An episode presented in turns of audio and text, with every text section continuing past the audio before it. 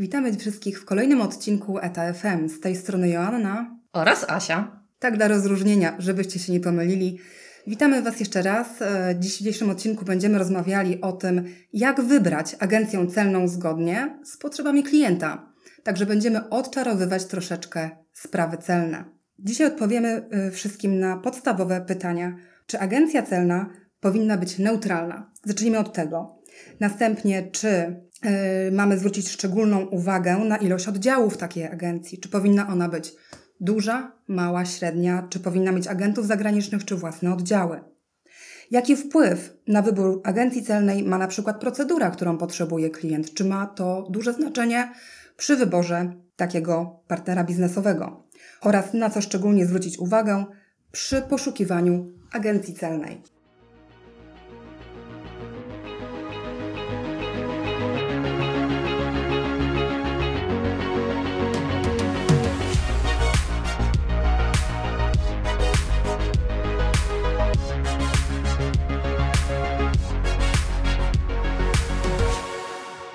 Zacznijmy może od klienta, bo to klient jest centrum naszej uwagi. Czy klientów można w jakiś sposób pogrupować? E, zdecydowanie klientów można pogrupować. Dla każdej agencji celnej e, klientami mogą być spedycje, agencje celne, bezpośredni importerzy lub eksporterzy.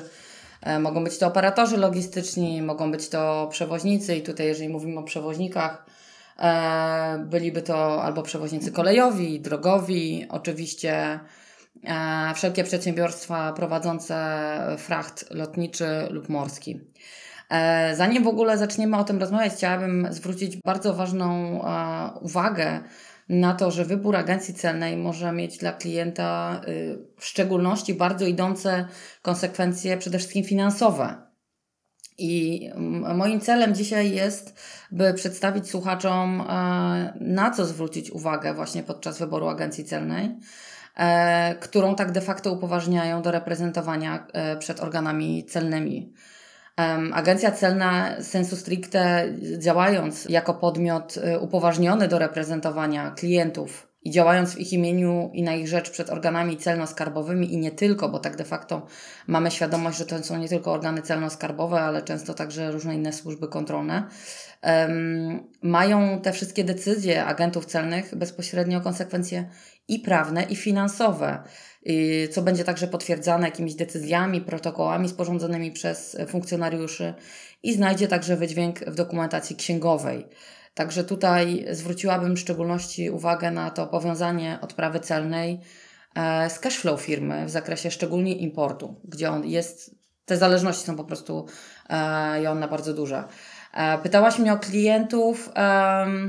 Każdy z tych klientów, czyli czy to będzie e, inna agencja celna, celna czy to będzie bezpośredni importer, eksporter lub e, przewoźnik, na przykład kolejowy lub lotniczy, oni będą mieli zupełnie inny e, zakres potrzeb, które agencja celna powinna dla niego świadczyć. I także ma inny zakres zapotrzebowania pod kątem procedur celnych. To wszystko będzie miało na pewno wpływ na wybór. Mówisz tutaj o wielu podmiotach, mówisz o spedycjach, agencjach celnych, importerach czy też przewoźnikach. My wszyscy współpracujemy na jednym rynku, jesteśmy w jednym środowisku spedycyjno-logistycznym. I teraz pytanie, jak tutaj się nie pogubić? Czy mm, z kim współpracować i czy ta neutralność jest faktycznie tak bardzo istotna i czym ta neutralność w ogóle na naszym rynku jest, co to oznacza? Wiesz co, Joanna, w moim, w moim rozumieniu tej, tej neutralności, neutralny podmiot to jest dla mnie taki podmiot, który nie prowadzi działalności konkurencyjnej do mojej.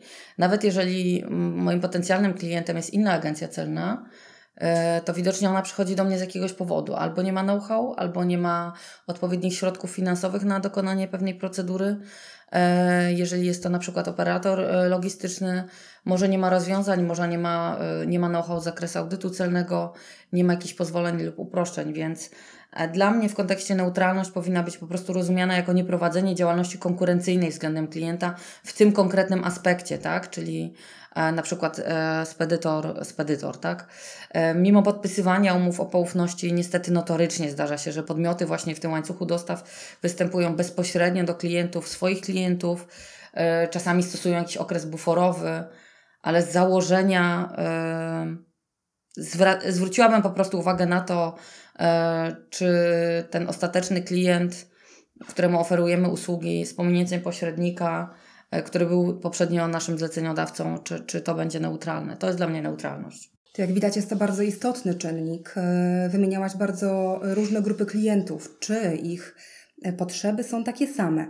Bo wielokrotnie, tak jak mówiłaś, zgłaszają się do Ciebie i klienci, i inne agencje celne, i spedytorzy, i przewoźnicy. Czy w takim razie ich potrzeby są takie same i czy można ewentualnie te potrzeby jakoś rozróżnić? Myślę, Joanna, że każdy handlowiec powiedziałby tutaj e, oczywiście, że nie, nawet nie znając się tak de facto na, na prawie celnym. Zdecydowanie y, obsługa klienta bezpośredniego, czyli bezpośredni klient to jest dla mnie bezpośredni importem lub eksportem, kompletnie różni się od obsługi klienta pośredniego, jakim jest y, spedytor, czy wolny obszar celny lub przewoźnik. Y, klient bezpośredni stawia przede wszystkim na komunikację tak? Czyli jak ona przebiega, jak ona przebiega między już potem stricte obsługującym go agentem celnym a klientem.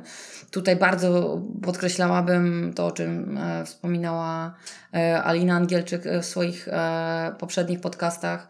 Rola zarządzania i tego, jak układamy swoją ścieżkę kariery i jak management zwraca uwagę na, na komunikację między agentem celnym. Czasami rzeczywiście jest potrzebna zmiana takiego pracownika operacyjnego, żeby już wszystko było ok. E, I tutaj nie mówimy kompletnie o kompetencjach, mówimy po prostu o tym, że e, agent celny, który będzie się interesował na przykład e, winem, lepiej porozumie się z importerem wina niż ktoś, kto na przykład jest abstynentem, tak? Ciekawy towar wybrałaś do opowiadania o klientach celnych. E, towar e, bardzo, e, bardzo wrażliwy pod kątem prawa celnego, ponieważ jest towarem akcyzowym. Także tutaj komunikacja, wracając do, wracając do sedna, jest bardzo ważna i żeby był ten, ten tak zwany flow, i nie mówimy teraz o cash flow, mm, żeby był, żeby był zachowany między właśnie obsługującym agentem celnym a, a naszym klientem. Czyli to jest taki bezpośredni klient. A w tak. takim razie, jakie potrzeby ma ten pośredni klient? Czy on faktycznie ma tak różne potrzeby? A wiesz co, jeżeli widzę tutaj klienta bezpośredniego i pośredniego, to e, kwestia poświęcenia czasu i uwagi temu klientowi ma troszeczkę inne znaczenie. E, spedytor chce rozwiązania tu i teraz, e, krótko i na temat, zwięźle. Najlepiej, żeby to była jeszcze jedna cena i, i żadnych, żadnych gwiazdek i nic specjalnego. Przy czym no, klient bezpośredni woli porozmawiać, podywagować, że jest jeszcze jakaś opcja numer dwa, nie daj Boże jeszcze opcja numer trzy. I chce się czuć zaangażowany w znalezienie tego rozwiązania. Tutaj raczej, yy, raczej u takich klientów pośrednich, właśnie jak spedytor czy, czy operator logistyczny, tutaj w ogóle nie ma miejsca na dywagację, tak? Tutaj jest po prostu jasna usługa, ma być na przykład tranzyt, tak? E, więc to duże, e, poświęcenie dużej ilości czasu na budowanie tej relacji z klientem bezpośrednim e, gdzieś tam ma odzwierciedlenie w typie, w typie tematów też, które oni mają, ponieważ bardzo często poza takimi tematami, nazwijmy to tematami, poza sprawami, które są codzienne, operacyjnie zdarzają się dwa traki, które zawsze wyjeżdżają, na przykład od danego klienta z magazynu, tak? Raz, e, raz na jakiś czas zdarzy się jakiś, e, jakiś temat, który nie jest standardowy. I w tym momencie e, właśnie znaczenie ma to, jak, jak agencja celna podchodzi do tematów niestandardowych, jakie ma know-how w tematach niestandardowych i czy jest w stanie klientowi po prostu pomóc właśnie w przypadku takich typowych, nietypowych rozwiązań E, dla wydawałoby się banalnych spraw, tak? No tutaj klient pośredni, czyli spedytor, raczej organizuje albo część łańcucha dostaw, albo pełen łańcuch taki w takiej koncepcie end-to-end e, i, i oferuje klientowi przeładunek i inne usługi włącznie. Tutaj jest ważne, e, żeby miał świadomość na przykład, żeby wybrać taką agencję celną, która będzie spinała też pod kątem celnym end-to-end i nie angażować kilku podmiotów, bo im więcej podmiotów manualnie jest zaangażowanych E, w proces, tym oczywiście prawdopodobieństwo dokonania błędu jest większe, tak? No, zdecydowanie, ale też pewnie ten klient pośredni ma więcej tematów niestandardowych, ponieważ to nie jest fabryka, która ściąga, e, importuje, tak, powiedzmy z Chin jakiś konkretny towar, tylko ten pośredni klient najczęściej ma bardzo różne tematy, w tym te niestandardowe, więc czym te niestandardowe tematy są? Jakby pomijając fakt, że dla nas każdy temat nowy jest tematem niestandardowym, bo dla każdego nowego tematu musimy przysiąść, więc nawet jeżeli jest to fabryka, która ściąga y, zegarki, albo telewizory, albo długopisy, to jest to dla nas y, jakiś tam temat, do którego y, musimy się najpierw przygotować, a potem już y, przechodzi tylko taki audyt tego procesu i, i sprawdzanie. Mm, oczywiście przy, przy każdej deklaracji. E, to dla mnie takie tematy niestandardowe, które trafiają już do mnie na biurko, to są tematy e, biznesów typu Project Cargo, czyli wszelkie, wszelkie ponadgabaryty, ponadwymiary, których fizycznie nie da się zgłosić w sposób standardowy i zastosowanie wtedy mają inne przepisy, tak? E, no nie wiem, przykład byłby e, jakiejś maszyny, która jest e, za ciężka i za duża, żeby wjechać fizycznie na oddział celny. No i wówczas zastosowanie mają specjalne pozwolenia i wnioski do Centrum Urzędowego Dokonywania Odpraw, tak? E, tutaj ściśle współpraca z funkcjonariuszami jest wówczas bardzo ważna i świadomość klienta, że no, ta odprawa nie będzie standardowa, tak? Stąd jakby nazywamy to kolokwialnie tematami niestandardowymi. Gdybyś mnie zapytała, co jeszcze, e, wszystkie odprawy statków, tak? Czyli zazwyczaj to są towary, które wpływają w weekendy, w nocy, e, druga, trzecia, piąta rano, w niedzielę. E, to są też takie momenty, gdzie agent celny pracuje i zgłaszamy takie, takie towary także w czasie rzeczywistym. I tutaj wtedy, wtedy mamy współpracę troszeczkę z innymi komórkami, jeżeli mówimy o KAS. Zazwyczaj także ta obsługa nocna jest połączona z obsługą wszelkich ponadgabarytów. E, wspomniałam już o winie. E, wszystkie towary, które są objęte podatkiem akcyzowym, czyli tak zwane towary wrażliwe, czyli alkohole, paliwa, tytoń i jego wyroby, e, są towarami, które wymagają po pierwsze dodatkowej kontroli, a po drugie dodatkowych środków finansowych, nakładów finansowych na zabezpieczenie tranzytowe i tutaj także w tych tematach takich nazywamy to cały czas niestandardowych, one się często pojawiają. A powiedz mi, jeśli chodzi o rodzaje towarów, to wiemy, że tak naprawdę nie ma to znaczenia, bo towar to towar, tylko musimy wiedzieć, jak zastosować do tego e, przepisy, prawda? I, i do jakiego e, cudo się zgłosić, e, jakie kontrole powinny być dokonane. Natomiast już jeśli chodzi o te kontrole, one mogą odbywać się w Polsce, mogą odbywać się za granicą. E, w Unii Europejskiej zależy, gdzie ten towar przypłynie, czy, czy przekroczy w ogóle granicę Unii Europejskiej, ale nie zawsze mamy tam swoje oddziały.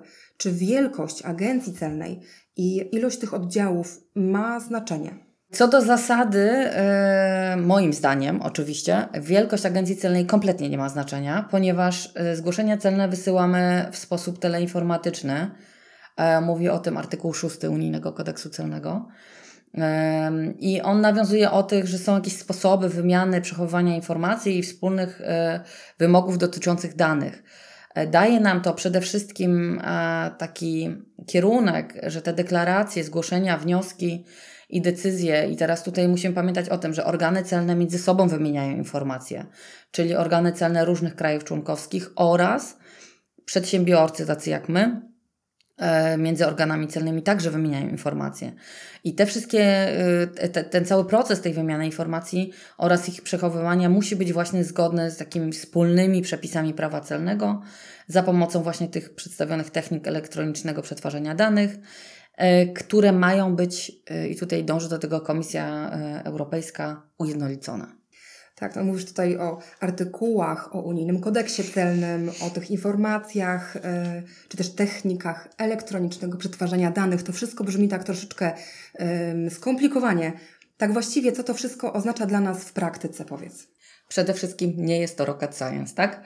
Także w praktyce oznacza to, że dzięki temu, że pracujemy na danych, które mają być zobrazowane w ten sam sposób we wszystkich e, krajach Unii Europejskiej, e, agencja celna, która posiada siedzibę w Polsce, na przykład my, może dokonać zgłoszenia celnego na terenie całej Polski, tak? Czyli e, AC z siedzibą w Gdyni może przygotować zgłoszenie celne z przedstawieniem towaru, czyli oddaniem towaru do dyspozycji organów celnych, na przykład, nie wiem, w Poznaniu, w Tychach, Małaszewiczach czy w Rzeszowie. Przy czym e, fakt, że fizycznie agent celny znajduje się w Trójmieście, kompletnie nie ma tutaj znaczenia, ponieważ te zgłoszenia wysyłane są w systemach elektronicznych, tak? czy to będzie AIS czy AES, e, czyli AIS Automated Import System, AIS Automated Export System. To są systemy, w których my pracujemy i które mają być spójne i kompatybilne ze sobą na terenie całej Unii Europejskiej. Z drugiej strony może to też e, oznaczać, jakby idąc, idąc w tym kierunku dalej, dlaczego mówię o tej Komisji Europejskiej, mówię o unijnym kodeksie celnym, że wszystkie agencje celne posiadające siedzibę w Unii Europejskiej mogą dokonywać zgłoszeń także w całej Unii Europejskiej, tak? Tutaj musimy to też e, zawsze rozumieć rozszerzająco.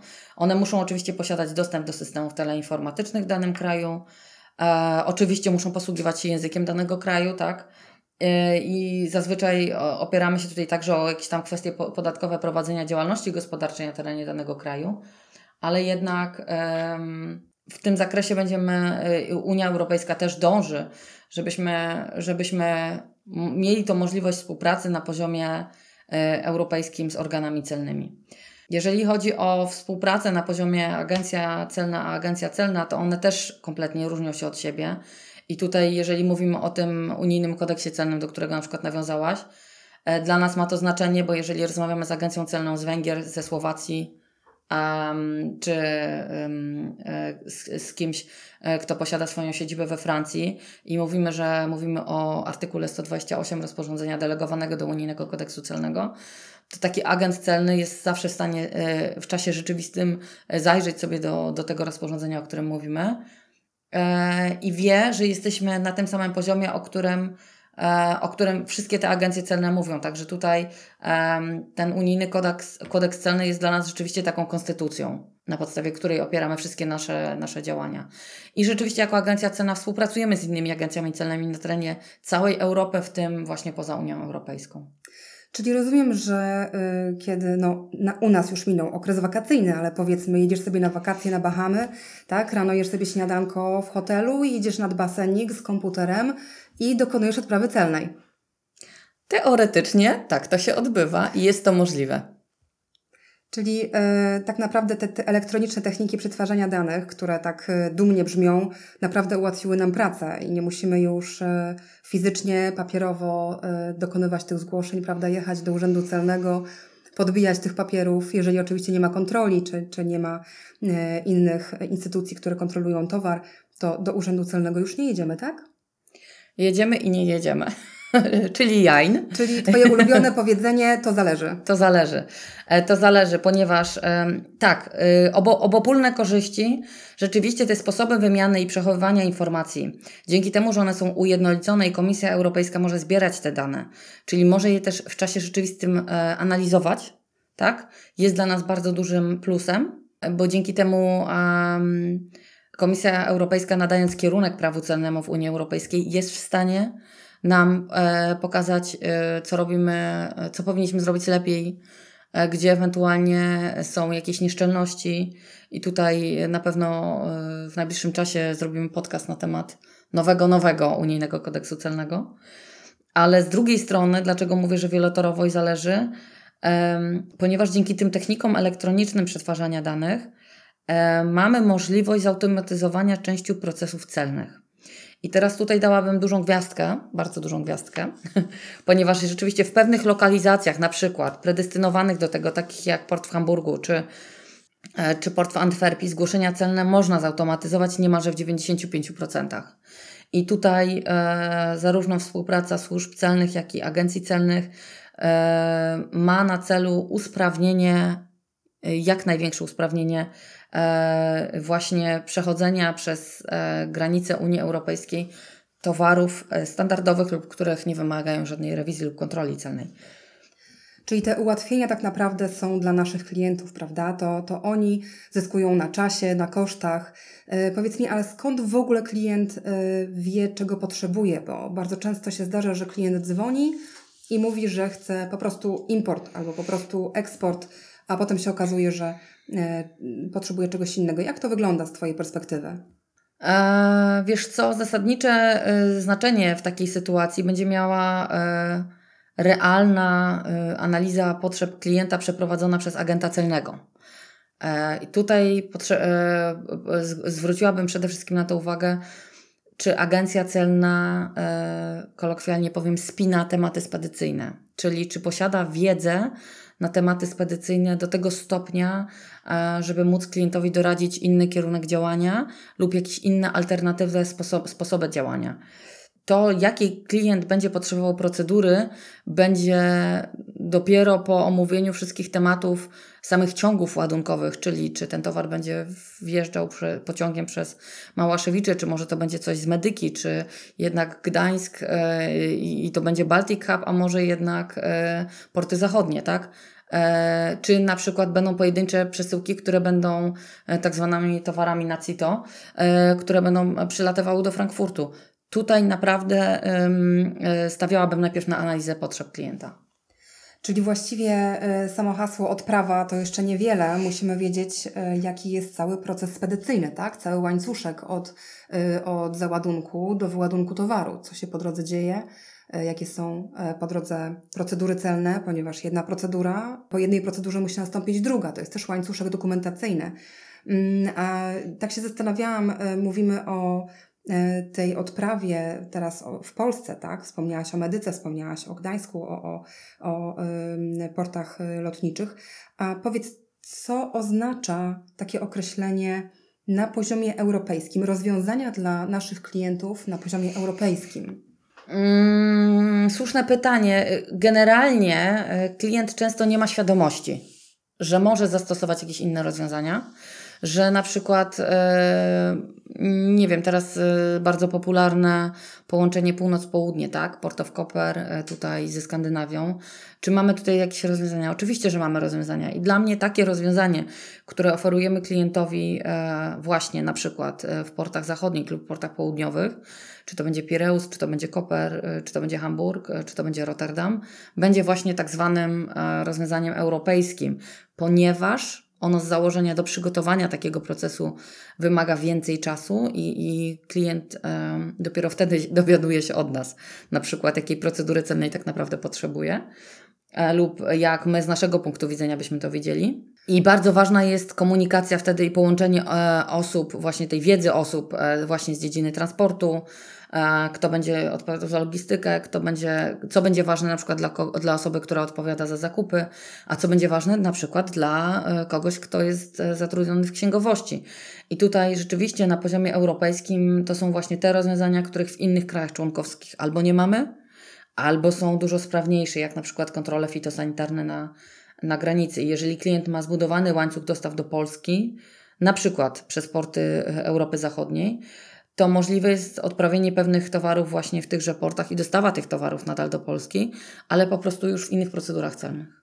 Czyli tak naprawdę na tym poziomie europejskim taka analiza potrzeb klienta to ma też e, e, jakby zawiera w sobie również rozmowy z, z księgową, tak, z działem IT często, e, z po prostu innymi działami firmy, a nie tylko i wyłącznie ze spedytorem, czy też przewoźnikiem, prawda?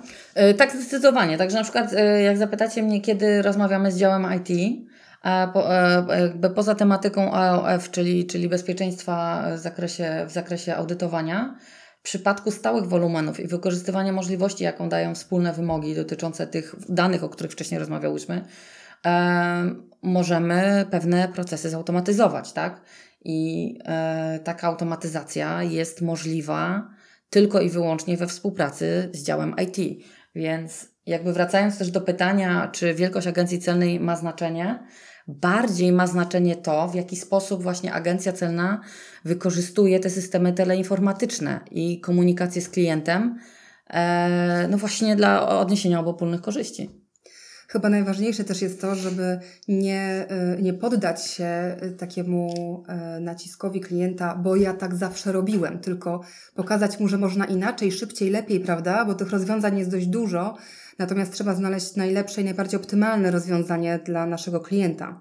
Ale wracając do tych tematów już procedur celnych, mm, mówiłaś o procedurach, że, że są one bardzo różne, że wynikają z unijnego kodeksu celnego, i czy te procedury, czy rodzaj procedury, którą trzeba zastosować dla klienta, dla jego e, transportu, dla jego odprawy, czy ma znaczenie pod kątem wyboru agencji celnej?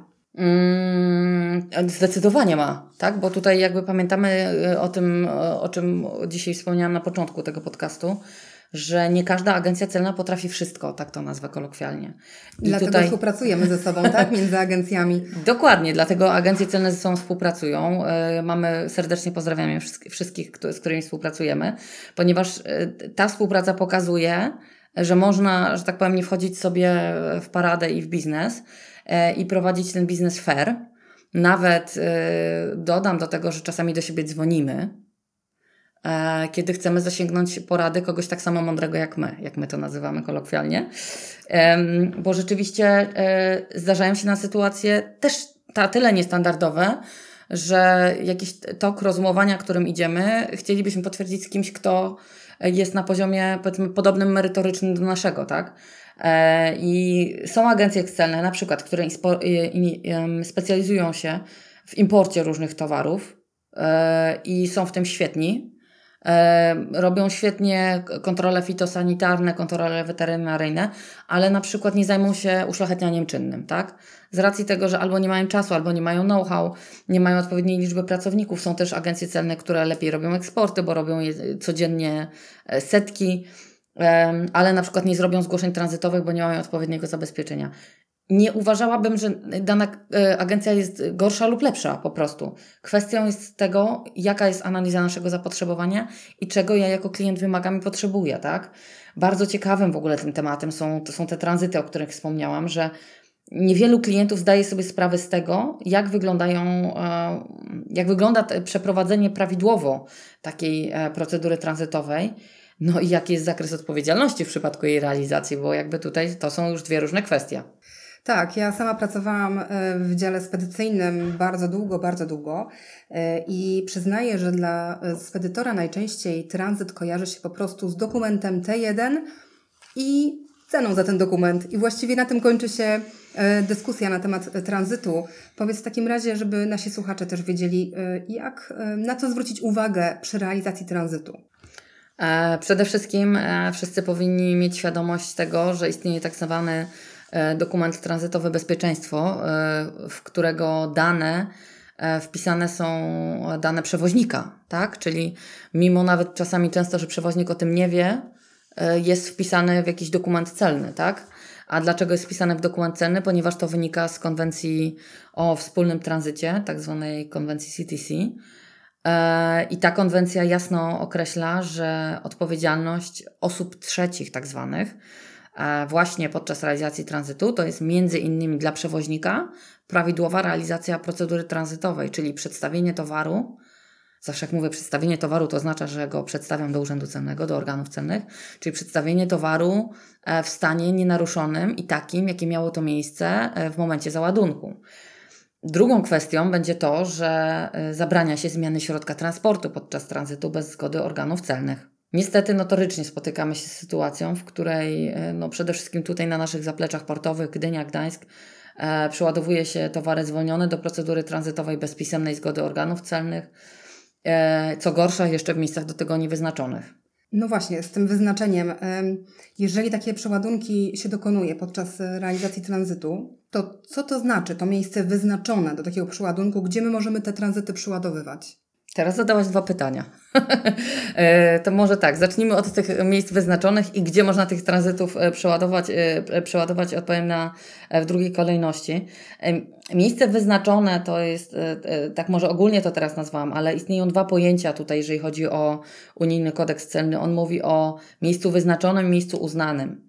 Miejsce wyznaczone to, jest, są, to są miejsca, które wyznacza się przez funkcjonariuszy na czas realizacji procedury a miejsce uznane wyznacza się na wniosek, czyli podmiot składa, składa normalnie wniosek do, do, swojego, do swojej Izby Administracji Skarbowej, na przykład u nas byłby to Gdańsk, o nadanie mu statusu miejsca uznanego dla konkretnych procedur. I właśnie na tym miejscu uznanym lub na tym miejscu wyznaczonym, o którym wcześniej wspomniałam, e, dokonuje się takich przeładunków. Z założenia miejscem realizacji właśnie każdej procedury celnej jest w ogóle to miejsce uznane i zazwyczaj występuje ono w połączeniu z jakimś magazynem czasowego składowania lub składem celnym. Um, musiałabyś sobie wyobrazić, że po prostu po przybyciu takiego środka transportu, nazwijmy go jakieś tam naczepy, e, na takie miejsce uznane dokonuje się zamknięcia tranzytu i tutaj y, przepisy mówią o, o, dwóch opcjach, czyli jeżeli to są e, towary w procedurze zwykłej to mamy 3 dni, dla upoważnionych odbiorców 6 dni i to jest czas, w którym ten towar musi zostać przeładowany z tego miejsca uznanego i następnie musi, być, musi nastąpić otworzenie kolejnego e, zgłoszenia tranzytowego już do miejsca przeznaczenia, czyli do tego urzędu celnego przeznaczenia lub teraz jakby znowu idąc tą logiką, może to być inne miejsce uznane lub miejsce wyznaczone. No różnica, tak jak, e, tak, jak, tak jak wspomniałam, między tym miejscem wyznaczonym a miejscem uznanym, to jakby funkcja jest podobna, tylko że tutaj miejsce wyznaczone jest wyznaczane przez funkcjonariusza na czas realizacji procedury. E, o ile miejsce uznane występuje przedsiębiorca, o tyle właśnie miejsce wyznaczone. Tutaj my nie składamy wniosku, tylko organ celno-skarbowy wyznacza je sam. Bardzo ważne, przepraszam, że jeszcze Ci wejdę w zdanie. E, pamiętajmy o tym, że składy celne i wolne obszary celne mają specyficzny status i tutaj e, one mają jeszcze szersze uprawnienia w zakresie przeładunków. Tak, tak. Tutaj jeśli chodzi o te tranzyty, to to jest dużo informacji i, i faktycznie warto odczarować ten temat. Więc stawiam jeszcze jedno pytanie odnośnie tego tranzytu. E, mówiłaś o odpowiedzialności osób trzecich w tej procedurze tranzytu. Już wiemy, że oczywiście przewoźnicy najczęściej nie wiedzą e, niestety o tej odpowiedzialności, którą ponoszą podczas tranzytu. E, ale kim jest ta osoba trzecia? Wiesz co, generalnie przy tranzycie nie powiem, że nikt, ale bardzo mało osób ma świadomość tego, że to nie agencja celna tylko odpowiada za tranzyt. I okej, okay, jeżeli jest sytuacja, w której wszystko e, jest dopięte na ostatni guzik i tranzyt się otwiera, zamyka i e, proces go, is going smoothly, tak? E, to wszystko jest fine. Bardziej mam na myśli sytuację, kiedy coś nie idzie tak smoothly i pojawiają się problemy, bo w tym momencie zaczynają, zaczynają się pojawiać pytania, i które powinny być tak zadane tak de facto w ogóle przed wejściem w dany biznes, tak? Czyli jeżeli wchodzę w biznes, który oparty jest na zgłoszeniach tranzytowych, powinna zapalić mi się lampka. Co będzie, jeżeli jakiś tranzyt nie zostanie zamknięty? Do kogo agencja celna przyjdzie? Do kogo przyjdzie organ celno-skarbowy? I tutaj... Pewnie organ celno-skarbowy najpierw przyjdzie do agencji celnej, tak? Czy też gwaranta, który gwarantuje e, należności celno-podatkowe na ten e, proces. Dokładnie. E, przy czym gwarantem nie musi być agencja celna. I tutaj ten, e, jakby ten łańcuszek osób odpowiedzialnych nam się poszerza. Będą wszystkie osoby, tak mówi o tym e, konwencja w, o wspólnym tranzycie, konwencja WPT, że mówi, ok, że przewoźnik oczywiście ma bezpośrednią odpowiedzialność jako, odpowie- jako bezpośrednio realizujący transport, tak? I często przewoźnicy nie są świadomi tej odpowiedzialności ale e, tutaj wszystkie osoby, które mogłyby ingerować, jeżeli chodzi o towar. No i na, czas, na, na, na ten czas transportu właśnie gwarant zabezpiecza nam te należności celno-podatkowe, których bardzo często nie mamy świadomości, e, jakiej one są wysokości, tak? Tak, żeby Ci zobrazować poziom zabezpieczeń, na przykład e, w tranzycie dla, to, dla towaru jakiegoś akcyzowego, czyli takiego, który ma rzeczywiście podwyższoną tą wartość swoją, to dla kontenera 20-stopowego z suszonym tytoniem, którego wartość e, towaru rzadko przekracza 400 tysięcy złotych, możemy powiedzieć, że to jest stosunkowo tani towar, jak na, jak na towar akcyzowy, e, należności celno-podatkowe wynoszą około 15 milionów złotych. No 15 milionów to jest już sporo, tak? E, jak to zabezpieczyć? Powiedz, czy to trzeba wpłacić do Urzędu Celnego? Jak taka procedura wygląda? 15 milionów zabezpiecza gwarant, Gwarantem może być agencja celna, nie musi być agencja celna. I rzeczywiście, niestety, tak, taką kwotę należy zabezpieczyć e, w Krajowej Administracji Skarbowej celem otwarcia takiego tranzytu. Więc e, logicznym jest, że fizycznie taka płatność się nie odbywa, tak? E, tylko tutaj jest takie rozliczenie pomiędzy agencją celną, właśnie z tej gwarancji tranzytowej i poprzez zabezpieczenie gwaranta organy celno-skarbowe w momencie przyjęcia takiego zgłoszenia nadania numeru MRN, zwolnieniu do procedury, e, zabezpieczają tą kwotę do czasu zamknięcia zgłoszenia tranzytowego. Czyli wiemy już, że duże znaczenie ma to, y, jakie procedury, e, jakimi procedurami specjalizuje się dana agencja celna. Jedna się najbardziej specjalizuje w importach, inna w eksportach, jedna w tranzytach, bo na przykład ma bardzo wysoką gwarancję celną. Pod tym kątem wiemy na co zwrócić uwagę, natomiast powiedz, co jeszcze jest istotne przy wyborze agencji celnej. Um, wiesz co, ważne jest, że jeżeli klient na przykład posiada bardziej skomplikowany łańcuch dostawy, w której występują um, różne podmioty zaangażowane w, jakby w realizację całego transportu, tak? Czyli, nie wiem, są jakieś centra logistyczne, dystrybutorzy, magazyny. To dobrze byłoby, gdyby agencja celna posiadała dział zajmujący się audytem celnym. Czy ten audyt celny zajmuje się sprawdzaniem y, prawidłowości odpraw celnych, czy to jest compliance. compliance. compliance, czyli e, tak, rzeczywiście, compliance bardziej wchodzimy w zakres sprawdzania zgłoszeń celnych, co robi większość agencji celnych. Nie mogę powiedzieć o wszystkich, bo wszystkich nie znam. Um, także my wewnętrznie prowadzimy systemy kontroli. E, działy compliance to są zazwyczaj takie działy prawno-celne, które gdzieś tam zajmują się sprawdzeniem czego, czy ta polityka przedsiębiorstwa w ogóle jest, e, jest zgodna z tym, co zostało zgłoszone. Mm, ale działy audytu celnych e, zajmują się troszeczkę czymś innym, wiesz? Audyt celny to są, to są takie osoby w przedsiębiorstwie, które mają wiedzę w zakresie uproszczeń i ułatwień celnych i są w stanie właśnie pełną organizację wszystkich procedur e, celnych przygotować, czyli od załadunku do momentu dotarcia do Urzędu Celnego Przeznaczenia wraz z wszystkimi kontrolami planują o jakie uproszczenia lub o jakie ułatwienia dany klient lub dana agencja mogłaby się ubiegać, bo tutaj musimy pamiętać o tym, że to idzie dwutorowo, o pewne pozwolenia i uproszczenia może się ubiegać klient, a o pewna agencja, tak? I tutaj ta osoba lub te osoby w agencji celnej, właśnie, które obsługują kompleksowo, są takim wsparciem merytorycznym i formalnym dla wszystkich uczestników obrotu międzynarodowego, dla danego klienta, tak? E, czyli i dla jego przewoźnika, i dla jego dystrybutorów, i dla jego magazynierów um, i pozwala to na przygotowanie i realizację optymalnego łańcucha dostaw. Czyli mówimy tutaj również na przykład o otwieraniu magazynów czasowego składowania, tak? Czy też wnioskach o e, miejsce uznane, czy dobrze rozumiem? Dokładnie, albo jednorazowe miejsce uznane z różnych przyczyn, lub na przykład jeżeli klient nagle, u klienta pojawia się zapotrzebowanie na uszlachetnianie, tak? E, takiej procedury też nie możemy przeprowadzić gdziekolwiek, e, że, tak, że tak to nazwę. Tylko tutaj właśnie jest wymagany troszeczkę wyższy poziom wiedzy. Okej, okay, a e, wspomniałaś dzisiaj już o uproszczeniach, ułatwieniach. E, to jest takie e, słowo klucz, tak? Jak mówisz klientowi, że mamy ułatwienia czy też uproszczenia dla niego, to zawsze tak jest zachęcające. Powiedz, czym są te ułatwienia i uproszczenia, jeżeli chodzi o prawo celne? No właśnie o to chodzi, że ja ich nie mam, tylko mają unijny kodeks celny. Więc unijny kodeks celny przewiduje coś takiego jak custom simplifications I, to są właśnie te ułatwienia celne, e, które mm, określają, że jakby wspólnie mówimy, jeżeli mówimy w ogóle o ułatwieniach, to ogólnie o wszystkich procedurach celnych, które mogą być realizowane w sposób uproszczony, tak? I dotyczy to zarówno wprowadzenia towaru do procedury dopuszczenia do obrotu, jak i wywozu czy tranzytu. Czyli tutaj nie będziemy mówić o konkretnej procedurze, tylko dopiero mówimy o ułatwieniach celnych, które, których jakby um, wynikiem jest to, że pewne procedury celne są realizowane w, w sposób uproszczony. Um, najczęściej też stosujemy je w połączeniu właśnie z tymi miejscami wyznaczonymi lub uznanymi, o których wcześniej Ci mówiłam, um, na co dzień, żebyście mieli świadomość. Nie wiem, miejsca wyznaczone są na przykład w Małaszewiczach, tam jest wolny obszar celny, który technicznie jest troszeczkę y, inaczej wygląda niż w Gliwicach, czy ten w Gdańsku, y, czy ten w Pszczonowie i tam są miejsca wyznaczone u, u podmiotów, e, które tam operują.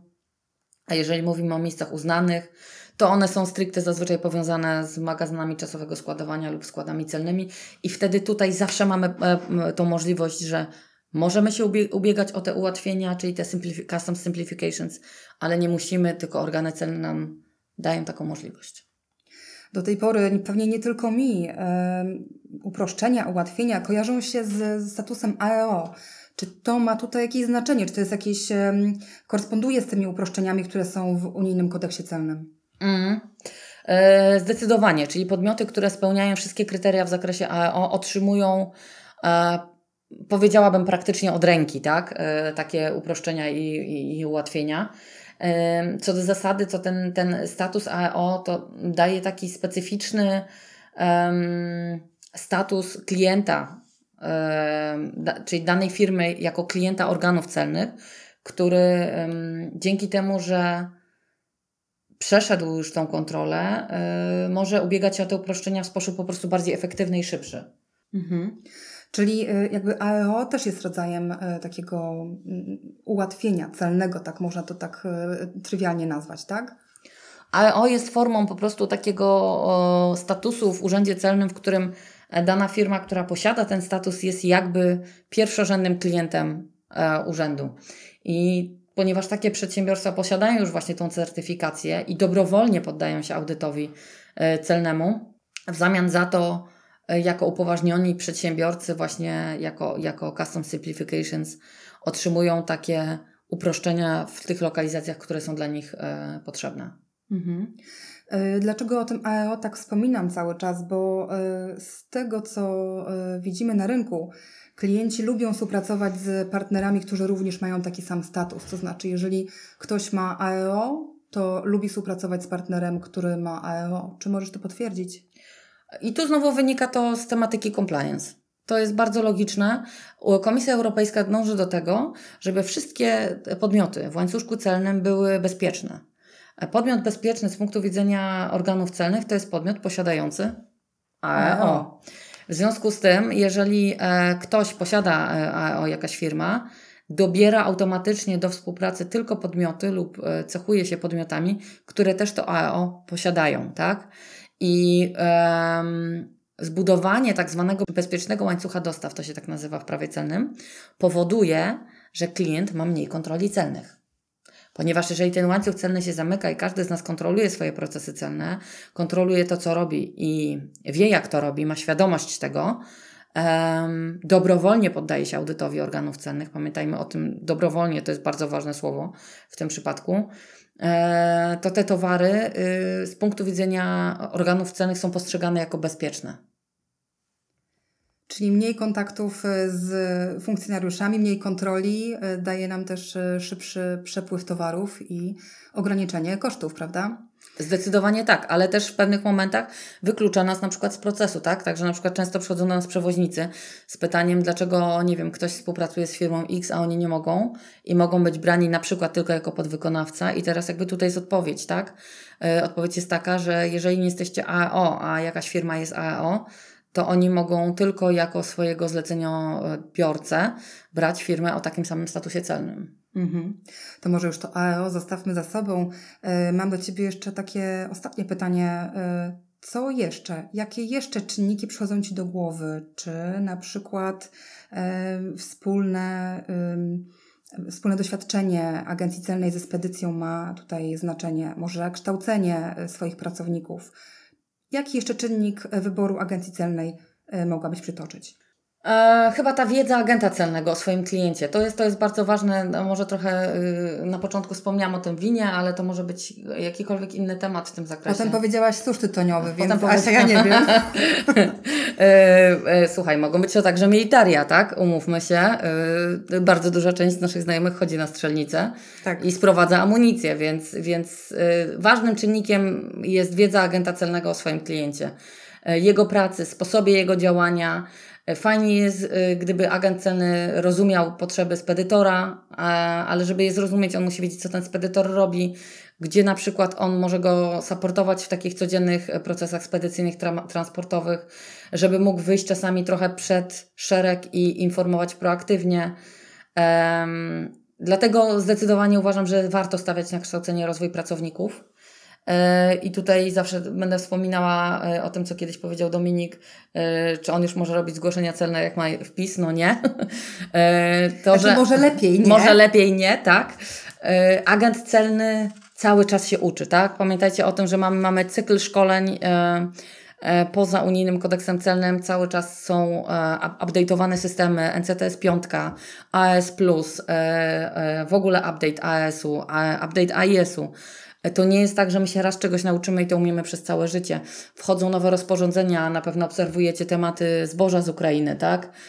E, to są wszystko kwestie, gdzie my musimy być po prostu na bieżąco i to działa w obie strony. Klient powinien kształcić swoich specjalistów od importu i eksportu, aby znali podstawy prawa celnego i tutaj powiem podstawy prawa celnego, tak, ale tylko właśnie po to, żeby oni swobodnie mogli poruszać się w meandrach, w dżungli prawa celnego ze wspólną taką jednolitą terminologią z agentami celnymi. Z takim dla... zrozumieniem, prawda? Tego, tak, i, i dla takiego konceptu, dokładnie, dla takiego wspólnego konceptu, dla wspólnego takiego know-how.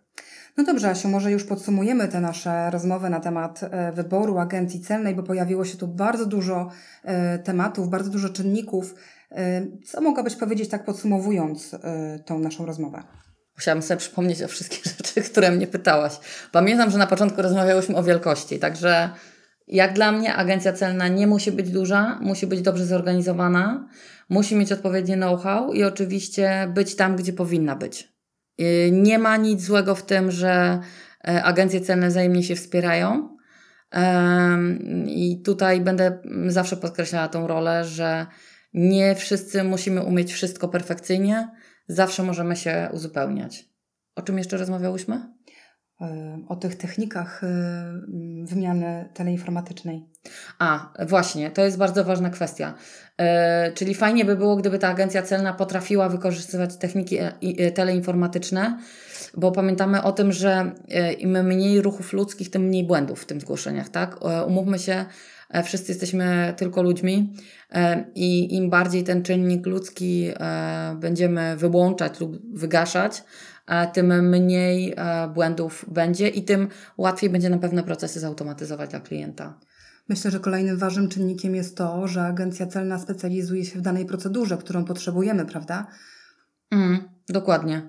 No i y, kwestia tego, czy właśnie jeżeli tu idziemy w procedury i ułatwienia, uproszczenia celne, czy ona, y, czy na pewno kryterium, a kompletnie niezbędnym dla nas będzie posiadanie przez nią AEO. E, co więcej, ta neutralność, ta neutralność, o której mówiliśmy na samym początku, e, czy jest nam potrzebna, czy nie, oczywiście, to wszystko zależy od tego, jaki jest klient, tak jak tłumaczyłyśmy, ale ta neutralność też powinna być czynnikiem wyboru, prawda? Tak, dlatego, dlatego tutaj jakby moim celem jest e, uświadomić, tak, Was, drodzy słuchacze, o tym, w jaki sposób można do tego podejść, tak? Jakie są kwestie, które tutaj mają na to na to działanie i będę y, usilnie e, naciskała na to, że badanie zapotrzebowania klienta, dogłębne badanie tego, co klient potrzebuje w zakresie procedur, procesów e, i, i tego, e, jaka będzie rola agencji celnej w jego codziennym życiu. Właśnie będę podkreślała po prostu rolę tej komunikacji z klientem i posługiwania się jednolitą terminologią i zarówno tej wiedzy agenta celnego o procesach transportowych i spedycyjnych będzie niezbędna. Myślę, że do tej komunikacji można też dodać sposób tej komunikacji, czy odbywa się bezpośrednio, czy face to face, czy przez telefon, czy przez system, bo nie każdy klient lubi rozmawiać z maszyną. Zdecydowanie. Dokładnie. Dziękuję Ci, Asiu, za rozmowę. Myślę, że do naszych słuchaczy możemy, możemy im y, polecić naszą stronę internetową, gdzie mamy więcej informacji na blogu na www.aceporad.com. Tam są informacje na bieżąco, co się dzieje w branży, co się dzieje w naszym prawie celnym. Także zapraszamy. Mm, a na dzisiaj dziękujemy pięknie. Dziękuję ślicznie za rozmowę.